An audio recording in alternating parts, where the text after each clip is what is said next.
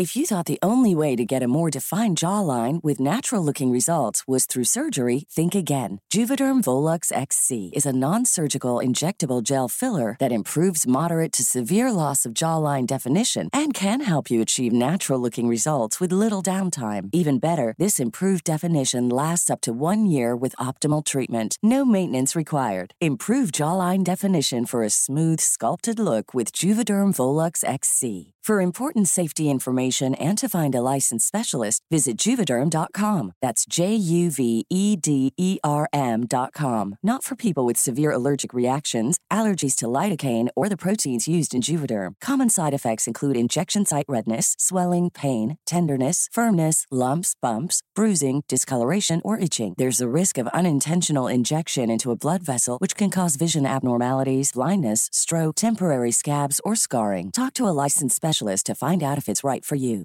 Hey, I'm Ryan Reynolds. Recently, I asked Mint Mobile's legal team if big wireless companies are allowed to raise prices due to inflation. They said yes. And then when I asked if raising prices technically violates those onerous two year contracts, they said, What the f are you talking about, you insane Hollywood ass? F- So to recap, we're cutting the price of Mint Unlimited from $30 a month to just $15 a month. Give it a try at mintmobile.com slash switch. $45 upfront for three months plus taxes and fees. Promo rate for new customers for limited time. Unlimited more than 40 gigabytes per month. Slows. Full terms at mintmobile.com. Helt siden de første menneskene slo seg ned i Trøndelag, har det blitt observert underlige lys over Hessdalen. Fenomenet har blitt forsøkt bortforklart som syner sett av bygdetullinger og deliriske hallusinasjoner forårsaket av den lokale drikkekulturen. Men det skulle vise seg at fenomenet stakk langt dypere, når Hessdalen-fenomenet fikk verdensomspennende oppmerksomhet i ufo-miljøet på 1980-tallet. Fenomenet er fremdeles der, og det er fremdeles like uforklarlig som den gang. I 2024 kommer en podkastserie i seks deler, produsert av Project Hessdalen, som kanskje en gang for alle skal finne svar på hva som rører seg på himmelen i denne bortgjemte dalen i Trøndelag.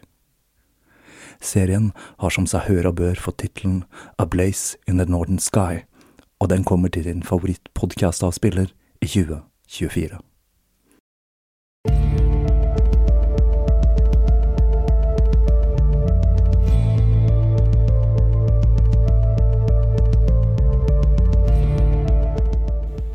Hei og velkommen til uh, Tåkeprat.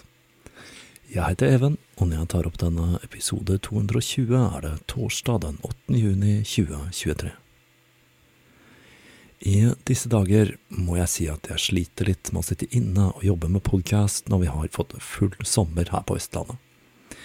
Det er ikke så veldig fristende å mure seg inn i studio med Marquis de Sade etter en lang arbeidsdag, og helgene er blitt dedikert til overnattingsturer i marka men jeg har nå allikevel klart å snekre sammen denne nest siste delen i serien om Marquis de Sade. Når det gjelder denne gjenoppdagelsen av gleden over å overnatte i skog og mark, har jeg lagt merke til at jeg er langt fra den eneste som ser på dette som et godt feriealternativ. Jeg tilbringer generelt mye tid i skogen, men jeg har aldri sett så mange mennesker telt i Oslomarka som nå i det siste og man må gå ganske langt for å finne en forholdsvis uforstyrret plass i disse dager. Jeg biter meg også merke i at utstyrsbutikkene er tømt for en del produkter. Det er litt vanskelig å sette fingeren på hva som er årsaken til denne eksplosjonen i interesse for friluftsliv, men jeg vil tro den henger sammen med pandemien kombinert med en rekordsvak krone. Kanskje det også er et visst element av prepping som ligger bak, siden vi lever i usikre tider. Hvem vet, jeg har nå iallfall skaffet meg tilstrekkelig med utstyr til å holde ut lenger i marka enn Millehaugen. Nå er til og med vannfiltre på plass, selv om jeg registrerer at det er enkelte som fnyser av det å filtrere vann i norsk natur. Jeg liker nå å være på den sikre siden, jeg, fordi det er få ting som er så ødeleggende for turen som diaré. Men innimellom skoleavslutninger og teltturer så har det altså blitt litt arbeid med vår glade Marquis og i denne episoden skal vi se litt nærmere på hvordan den mest radikale romanen i litteraturhistorien ble til. Her må jeg komme med en liten advarsel, for jeg kan ikke snakke om Sodomas 120 dager uten å gå litt inn i detaljene om på hva den handler om, og dette er ikke en bok for sarte sjeler. Og det har resultert i at dette nok er en av de ekleste episodene jeg har laget.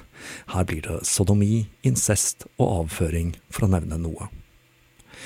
For de av dere som føler dere komfortable med det, er det bare å lene seg tilbake i sommervarmen og følge med videre når vi skal gjøre et dypdykk inn i de mørkeste avkroker av menneskesinnet.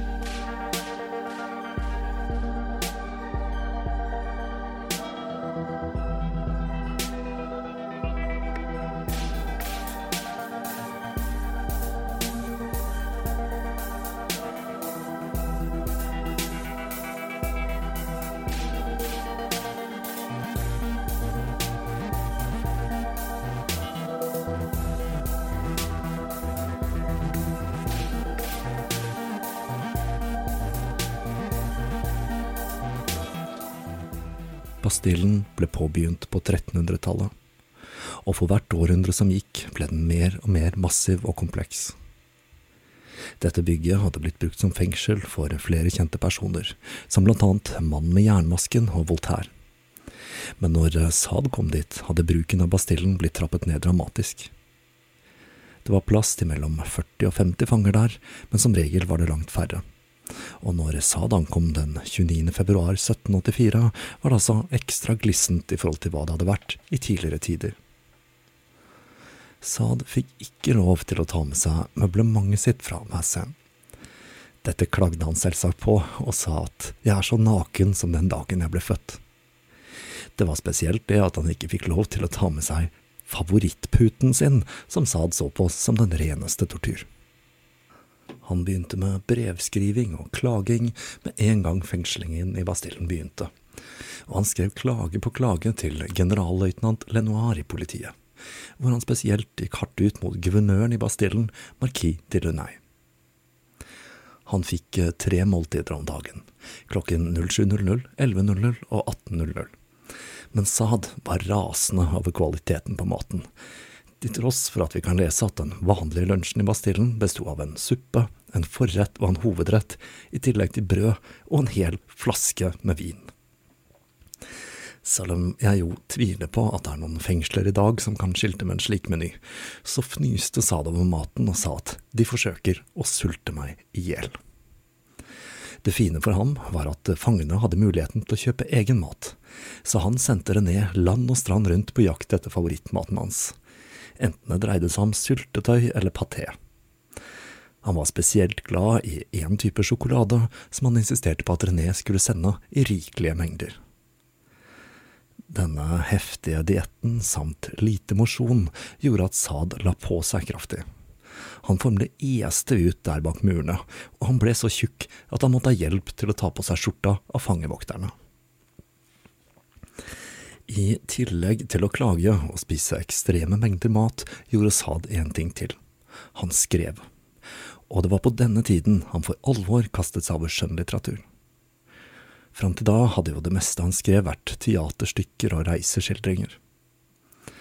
René hjalp til å smugle en rekke av disse verkene ut, som Aline de Valcourt og Filosofi på kammerset men Sads viktigste verk ble aldri smuglet ut, og det er nesten et mirakel at det har overlevd fram til vår tid. For eh, nå, kjære lyttere, skal vi se litt nærmere på den mest radikale romanen som noen gang har blitt skrevet. Nå blir det både kvalmt og litt vanskelig å høre på her, men jeg føler at ingen serie om Markide Sad ville være komplett uten å se litt nærmere på Sodomas 120 dager.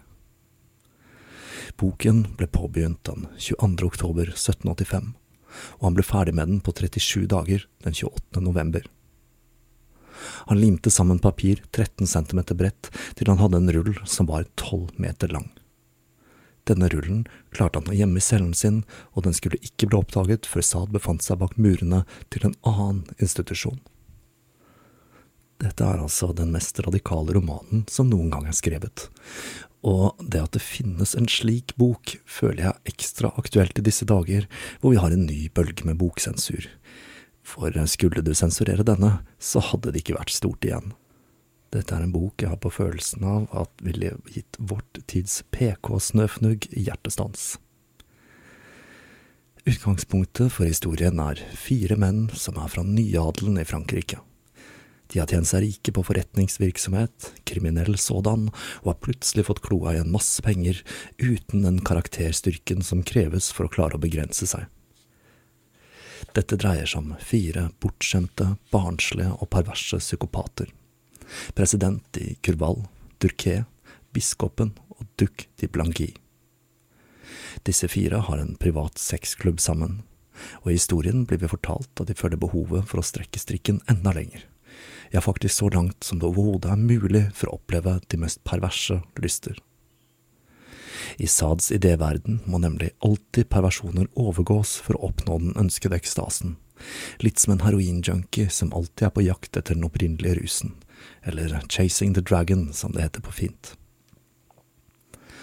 Karakterene til Sad bærer preg av Sads humor, noe som gjør at han som forteller har en slags ironisk distanse til det hele for eksempel så kan vi lese at denne biskopen var en jenteaktig mann på 45 med råtne tenner, dårlig ånde og likblek hud som elsket sodomi, spesielt når den ble utført på ham.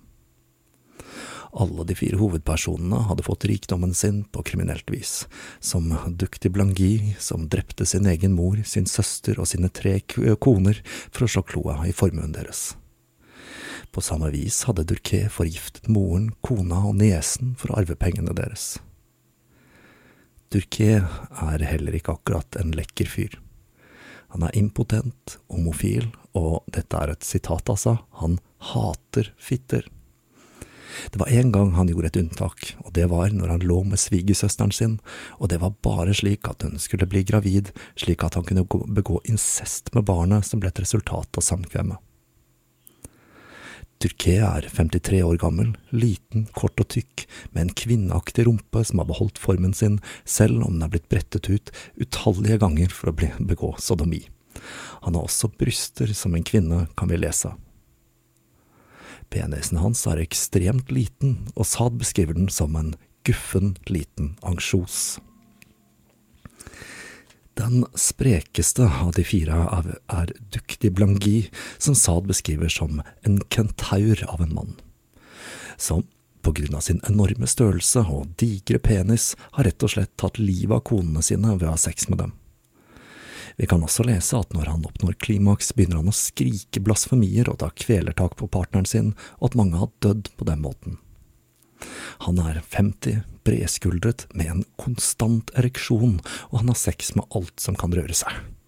Vi kan også lese at han en gang drepte en hest ved å knuse den til døde med sine kraftige bein.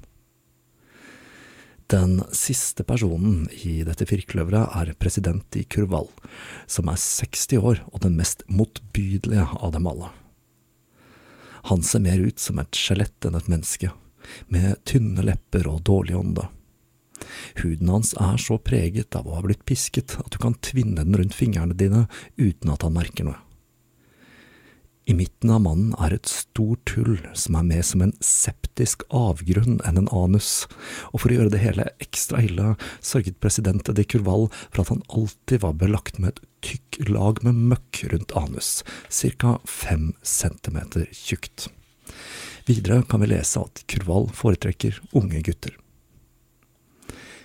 Disse fire hovedpersonene er blitt lei sine vanlige perversiteter, og bestemmer seg for å ha en slags vinterretreat på slottet til Durquet, Silling, hvor de kan studere alle former for perversiteter i den minste detalj uten å bli forstyrret. De legger en metodisk, vitenskapelig og filosofisk plan for hvordan de kan gjøre dette. Planen er å utforske alle former for perversiteter, fra de minste seksuelle avvik til de mest groteske vederstyggeligheter. Det er denne tanken om en slags kartlegging av menneskelig perversjon som danner grunnlaget for denne dystopiske fortellingen. I Saad sin samtid var jo nettopp det å katalogisere naturen og vitenskap i vinden, og denne fortellingen er en slags perversjon av det, et dypdykk i menneskelige vederstyggeligheter. Saad selv har som nevnt en slags ironisk distanse til fortellingen, og hvor han selv står i forhold til handlingene som finner sted, er opp til leseren å avgjøre. De første fire ofrene som blir tatt med til Silling, er døtrene til de fire, som alle har blitt oppdratt ene og alene så de kan brukes til incest. Men de trengte flere ofre til eksperimentene sine, og de bestemmer seg for at de trenger åtte jenter og åtte gutter, i tillegg til fire tjenere og kjøkkenpersonell. For de fire er like opptatt av mat som av perversjon. De avholder en skjønnhetskonkurranse for å finne de 16 som skal være med i eksperimentet. For å finne potensielle kandidater får de kidnappet 150 barn mellom 12 og 15 år, som alle måtte være jomfru, fra skoler, klostre og familiene deres. Etter en elimineringsprosess klarer de å bestemme seg for 16 stykker, og de sender de andre til å tjenestegjøre på bordeller eller som slaver i Tyrkia, vel å merke etter de først hadde forlystet seg med dem. I tillegg ansetter de fire–seks eksperter. Dette dreier seg om fire prostituerte med utstrakt erfaring. Dette er vel Marquis de Sade sin versjon av en sexolog, dette en tittel som for øvrig ikke er beskyttet, i likhet med demonolog, det der. Oppgaven til disse fire kvinnene er å fortelle historier fra deres liv og virke, slik at de fire hovedpersonene kan analysere og katalogisere dem. Hver av disse prostituerte, eller horefortellerne om du vil, er ansvarlig for hver sin måned, fra november til mars og hver av dem skal fortelle fem historier om dagen, slik at over disse 120 dagene blir totalt 600 perversjoner. Alle de prostituerte er 50 år eller eldre, og de er i likhet med hovedpersonene svært karikerte. De blir også mer og mer ekstreme etter hvert som historien skrider fram. Den siste, Madame de Desrange, er den absolutt verste av dem. Hun blir beskrevet som personifiseringen av synd og lyst. Hun er 56 år gammel og ligner et levende kadaver med døde øyne og bleke lepper. Huden på rumpa hennes er så utslitt og arrete at den ligner mer på papir, og anus er så utslitt og henger så åpen at hun kan ta imot den største gjenstand der uten å merke noen ting. Hun mangler også et bryst, tre fingre, seks tenner og et øye, i tillegg til å være halvt. Desrange har vært med på alle tenkelige perversiteter, fra incest, abort, voldtekt og blasfemi til farsdrap. Disse fortellerne er den røde tråden i romanen, og hver av disse fire månedene har et felles tema, og temaet blir mer og mer ekstremt for hver dag som går. Leseren vet derfor at uansett hvor ille den perversjonen han eller hun akkurat har lest om, så venter det noe verre på neste side. Boka starter med den forholdsvis humoristiske og uskyldige historien om en prest som elsket å suge snørr ut av nesa på unge jenter, og ender i bestialske drap som burde fått Jeffrey Damer til å blekne, for dette, det er guffende saker. I tillegg til disse menneskene har hovedpersonene med seg et utvalg av luksusvarer, og ikke minst enorme mengder med mat. Selve slottet Silling ligger på en fjelltopp, og for å komme dit må du over en bro. Når alle har krysset den, så brenner de broa, slik at det ikke er noen vei tilbake. I tillegg til broa er selve slottet omgitt av en ti meter høy mur og en vollgrav. Og på toppen av det hele blir alle dørene forseglet av durké, og den 14. november bryter det ut en snøstorm, slik at slottet er enda mer isolert.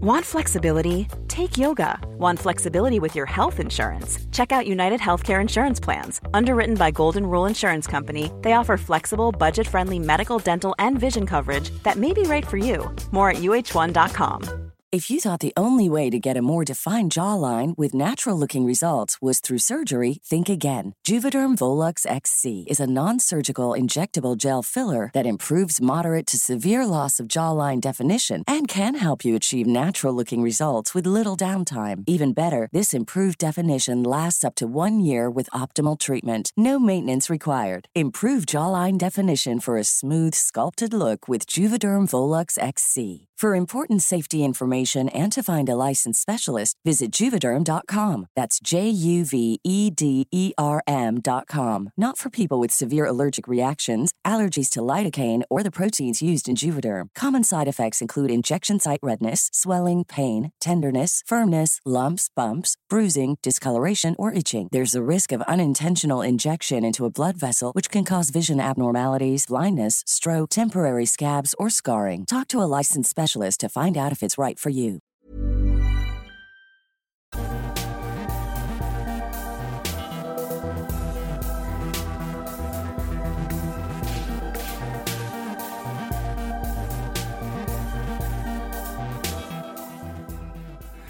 Slottet har altså alle mulige fasiliteter og all tenkelig luksus og komfort.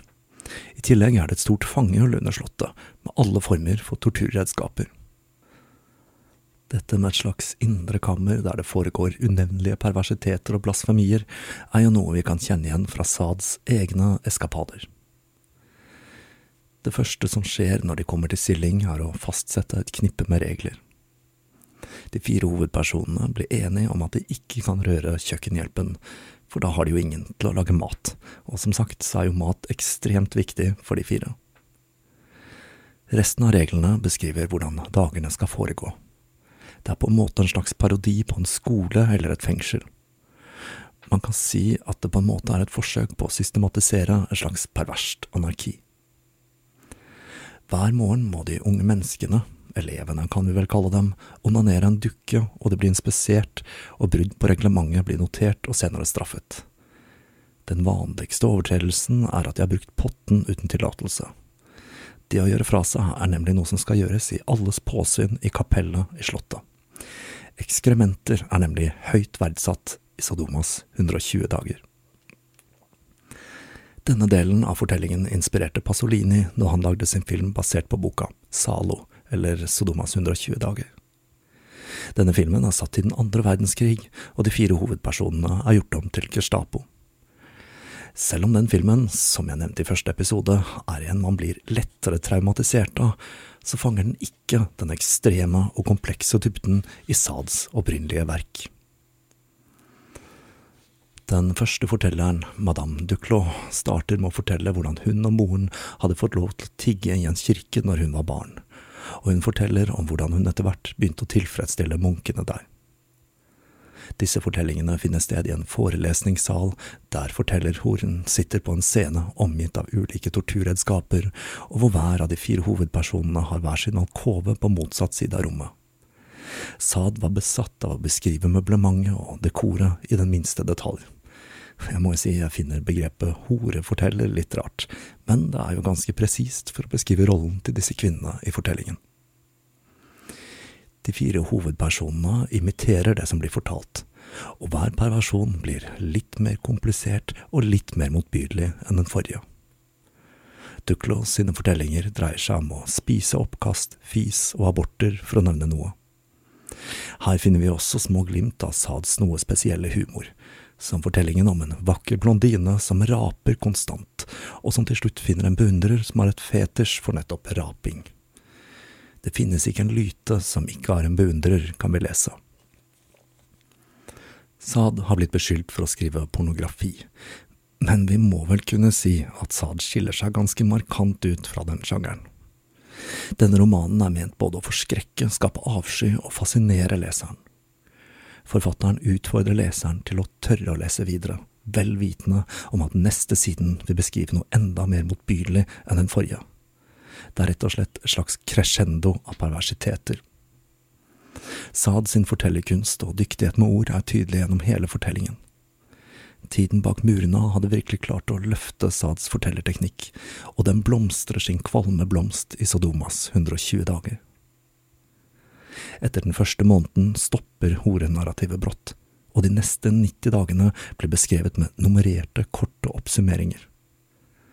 Ved første øyekast kan det virke som om boken er uferdig, men dette er et grep fra Sad for å gjøre opplevelsen til leseren enda mer urovekkende. Historiefortellingen gjør det hele litt mer menneskelig og legger til et element av humor. Uten den blir leseren overlatt til seg selv i et ugjestmildt landskap av forferdeligheter. I desember forlater vi de vanlige perversjonene, og handlingene vi kan lese om, blir hardere. I avsnitt 46 kan vi lese om hvordan en mann får to jenter til å bæsje. De må spise hverandres bæsj, og når de bæsjer på ny, spiser han denne bæsjen. I avsnitt 125 kan vi lese om hvordan en mann smører lim på toalettsettet, får en jente til å sette seg der for å bæsje, før det blir fyrt opp glødende kull under, slik at hun spretter opp og huden blir revet av rumpa hennes. I januar strammer det seg enda mer til, og vi blir introdusert for bestialitet, nekrofili, kannibalisme og tortur. I avsnitt 121 kan vi for eksempel lese om kastrering, og i 141 om hvordan en mann sodomerer en kvinne for så å skjære av henne rumpeballene og spise dem. I februar kommer det jævligste av det jævlige. Her dreier det seg om personer som blir sultet i hjel og på andre måter torturert til døde. Jeg føler meg nesten nødt til å gi dere et eksempel her, så her har dere fra 437. Et hull blir skåret i halsen hennes, og tunga blir dratt ut. Det gjenværende brystet hennes blir brent, og en skalpell blir ført inn i fitta hennes, og veggen som skiller vagina og anus blir skåret over. En hånd blir ført inn i henne, og tarmene blir dratt ut, slik at hun må drite ut av fitta. Gjennom den samme åpningen blir magen revet åpen. Så blir ørene hennes kuttet av, innsiden av nesen blir brent, og øynene hennes blir blindet og lukket med voks. Hodet blir belagt med stål, og hun blir hengt etter håret med stein festet i føttene, slik at hun faller og kraniet blir revet åpent. Når hun falt, var hun fremdeles i live, og det var da han knullet henne. Jeg lurer på hvor mange som fremdeles hører på etter det sitatet der. Sånn, da var vi ferdig med den eh, aller verste delen. For de av dere som har lyst på litt eh, lett sommerlektyre, så er Thomas 120 dager tilgjengelig i paperback. Få ting er vel så sommerlig som litt sad på stranda. Dere skjønner kanskje hva jeg mener med at dette nok er den verste boken som er skrevet. Det finnes ingen bok som til de grader tar med seg leseren inn i mørket, og boka avsluttes i en orgie av kroppsdeler og en infantil primal nysgjerrighet dynket i avføring og blod. I lyset fra et stearinlys bak murene i Bastillen ble dette mørkeste kapitlet i litteraturhistorien unnfanget. Når han var ferdig, rullet han manuskriptet sammen og gjemte det i cellen og om historien ikke hadde villet det annerledes, så hadde han endt sine dager der. Den 17. oktober 1787 skrev den engelske poeten Arthur Young om sine opplevelser etter et nylig besøk i Paris. Han skrev at inntrykket han satt igjen med, var at det franske samfunnet sto på terskelen av en revolusjon. Alle visste at landets finanser lå i grus, og at staten hadde en uhåndterlig gjeld. Det var vold i luften, skrev han, og et sterkt ønske om forandring. Frankrike var i endring, men ingen visste til hva. Folket var sultne. Det var ikke bare det franske folket som var klare for opprør. René begynte også å motsette seg Saad sine ubehagelige forespørsler, og hun begynte også å kritisere innholdet i romanen hans. René hadde nemlig søkt tilflukt i religion etter å ha vært alvorlig syk høsten og vinteren 1788, og religion var jo ikke akkurat kompatibelt med Saads liv og litteratur. Våren 1789 fikk Saad for første gang lese aviser, og han begynte å ane kaoset som var i ferd med å oppstå utenfor murene. Mandag den 27. april 1789 begynte opptøyer i Faubourg Saint-Antoine i skyggen av Bastillen. Natten 28. april ble mobben angrepet av soldater, 300 ble drept og mer enn 1000 skadet. René skrev til Goffridi om opptøyene, hun skrev at det er mange som har dødd av sult, og selv om opprøret ble knust, er det fremdeles soldater overalt. Det vil være umulig å opprette perfekt likhet mellom mennesker, for å få til det trenger vi et hav av blod, skrev hun. Og et hav av blod, det skulle hun få. Ting skjedde fort. Den 24. juni bega 10 000 mennesker seg mot Versailles, og på veien dit angrep de alt de kom over av adelige og presteskap. For hver time som gikk, ble stemningen mer og mer amper. Det var opptøyer overalt. De økte sikkerheten i Bastillen og satte inn flere soldater og kanoner.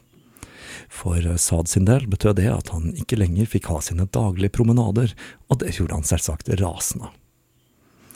Når han så at det var en illsint folkemengde utenfor murene, rev han løs en såkalt pissetrakt fra veggen. Dette var et redskap som ble brukt til å helle ut avfall i kloakken, og han brukte den som en megafon så han kunne adressere menneskene utenfor murene. Han ropte at de drepte fangene i Bastillen, og ba mobben komme ham til unnsetning. Etter krigen skulle Saad fremstille dette som en heltemodig, revolusjonær og patriotisk handling, men det var det selvsagt ikke.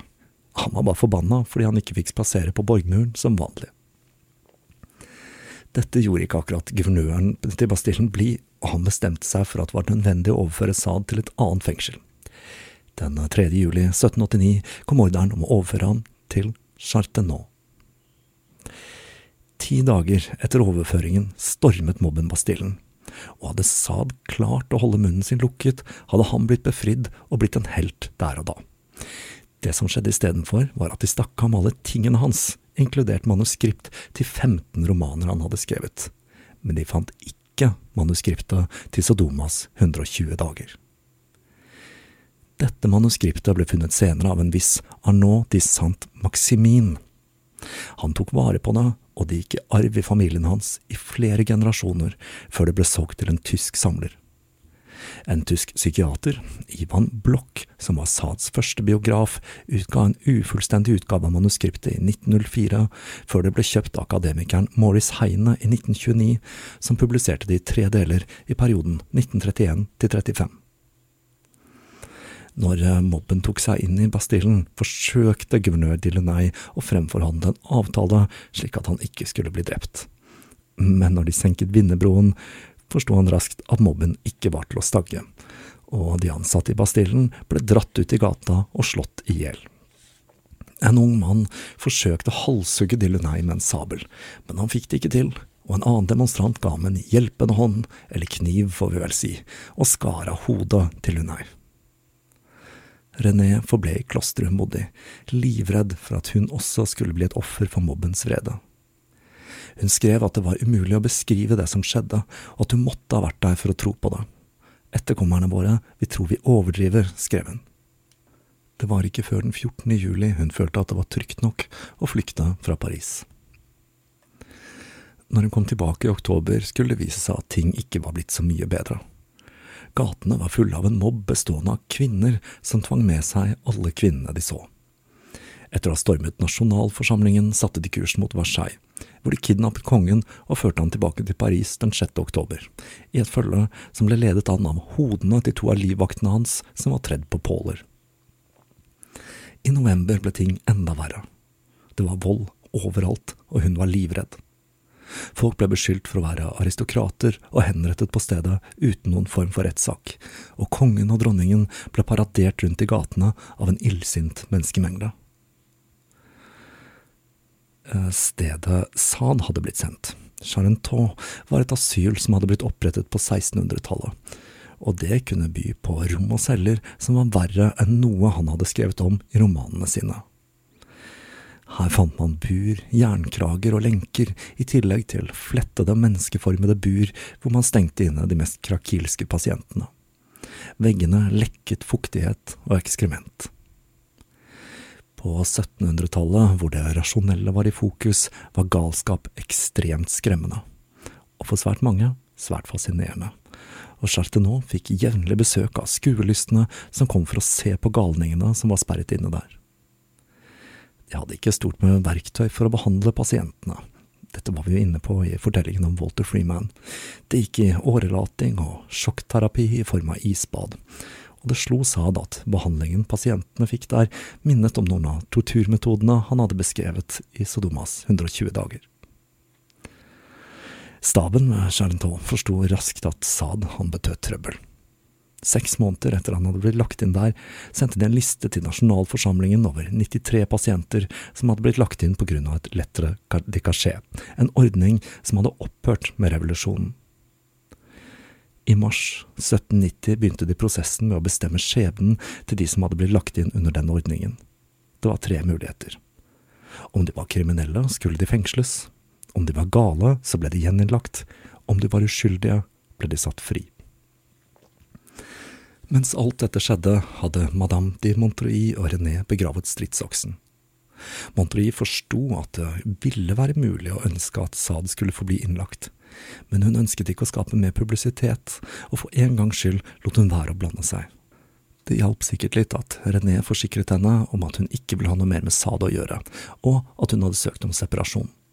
En søknad som ble innvilget bare noen måneder senere. Saad sine sønner kom for å besøke ham den 18. mars, og de spiste middag sammen. En av sønnene spurte den overordnede om hvorfor faren fremdeles var sperret inne der, og han fikk et nølende svar om at dette var noe familien hadde ønsket. Saad reiste seg og gikk bort til døren. Jeg befaler dere å åpne, ropte han. Ingen turte å motsi ham, og Saad gikk ut i frihet for første gang siden februar 1777.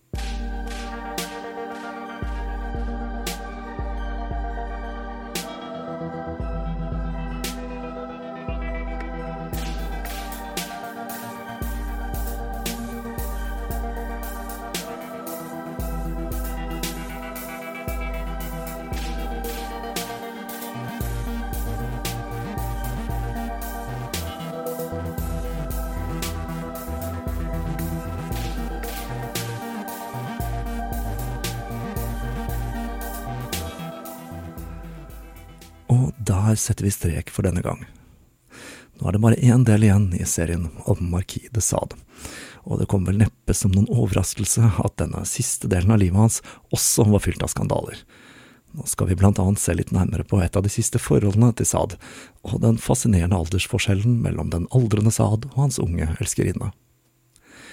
Men nå skal jeg pakke sekken og gjøre meg klar for enda en ekspedisjon ut i marka. Så får vi se hvor lang tid jeg bruker på å få ut den siste delen i denne serien, nå som temperaturen her i Oslo er meldt å bikke 30 grader. Som vanlig vil jeg takke alle patrions, alle som har handlet i nettbutikken, de som har donert via nettsiden og VIPS, og ikke minst deg som hører på.